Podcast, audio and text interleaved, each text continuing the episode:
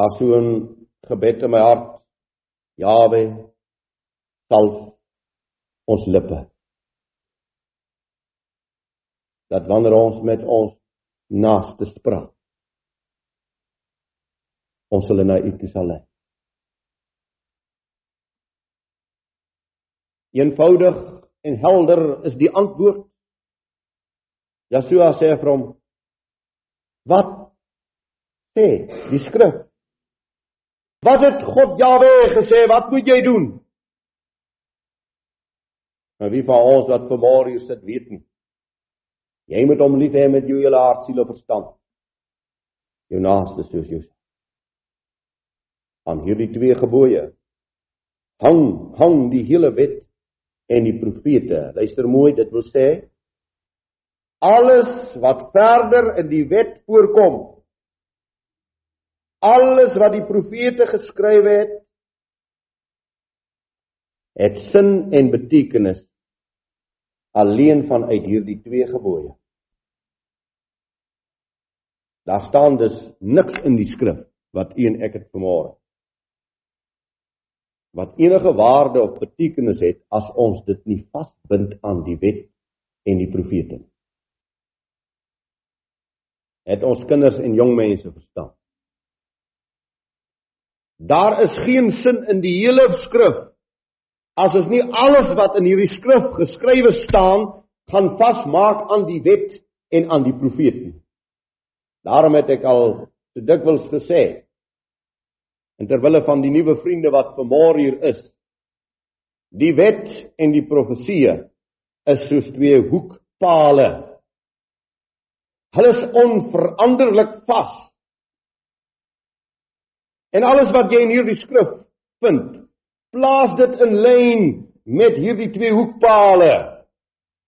Kamp jou draad tussen hulle. En dan is jy vas. En as jy nou die Bybel lees en tussen hierdie twee hoekpale wet en profesie staan daar 'n paaltjie wat uit lyn uit is. Bring hom terug in die lyn van wet en profesie. En as jy die paaltjie nie kan terugplant nie, omdat ons nog nie alle kennis het nie, los dan die paaltjie. Moenie laat hy jou versteur nie. Jy verplant nie jou twee hoekpale om te pas by die verwarring wat gekom het deur vertalings nie. Om een voorbeeld vir u te noem vanmôre. Deuteronomium 23 vers 7 en 8. Waar daar geskrywe staan in al die Bybels wat ek in my besit het. En dis baie. Jy moet die Edomiet en die Egiptenaar weer terugbring in jou volk in die derde geslag. Nou laat ek nou vir u sê dis nou onsinnig. Daar's geen grond.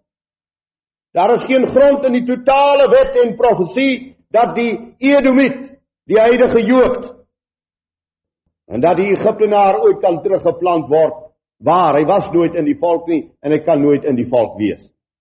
So dis 'n korrupte teks in die Bybel. Waar hy al ingeskryf is, weet ons nie. Ek sal vir u baie dinge vanmôre uit hierdie Bybel uit uithaal wat ingeskryf is iewers. Vroeger. Die nuwe Bybel wat deur die kerke gebruik word, is immers 'n ander grondteks as hierdie wat ons besit.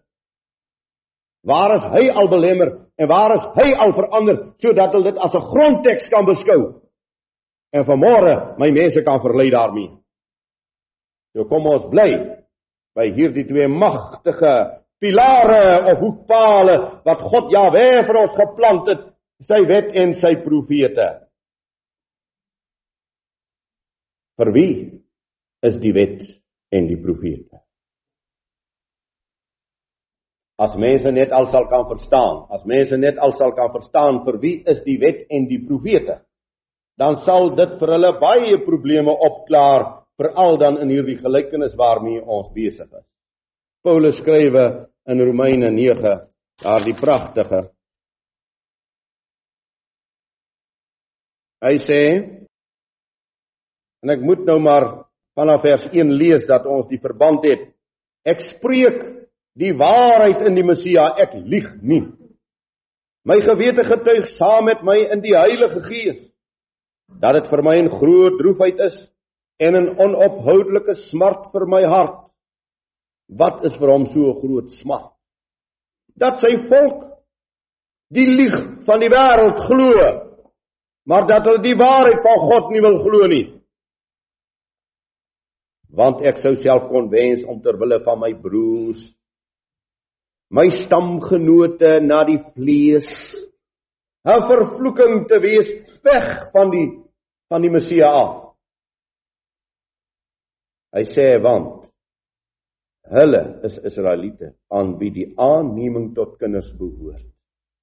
En die heerlikheid en die verbonde en die wetgewing en die erediens en die beloftes aan wie die vaders behoort en uit wie die Messia is na die vlees. So wat sê hy hierso? Hy sê sy groot smart, sy groot droefheid is dat hierdie uitverkorenes op die aarde dat hulle God verag. Hierdie volk in sy groot heerlike posisie dat hy nie snap wie hy is nie en dat hy wil aanvaar wat God vir hom sê nie. Hy sê aan, hulle is die wet en die verbond en die beloftes en die erediens gegee. Vir wie is die wet gegee? Ek sê altyd so deur die land. Dan sê ek altyd, hulle moet vir my sê of Egiptenaar nou die 10 gebooie kan lees.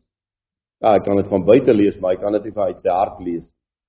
Want dit is nooit vir hom gegee. Dit is nooit vir hom gegee.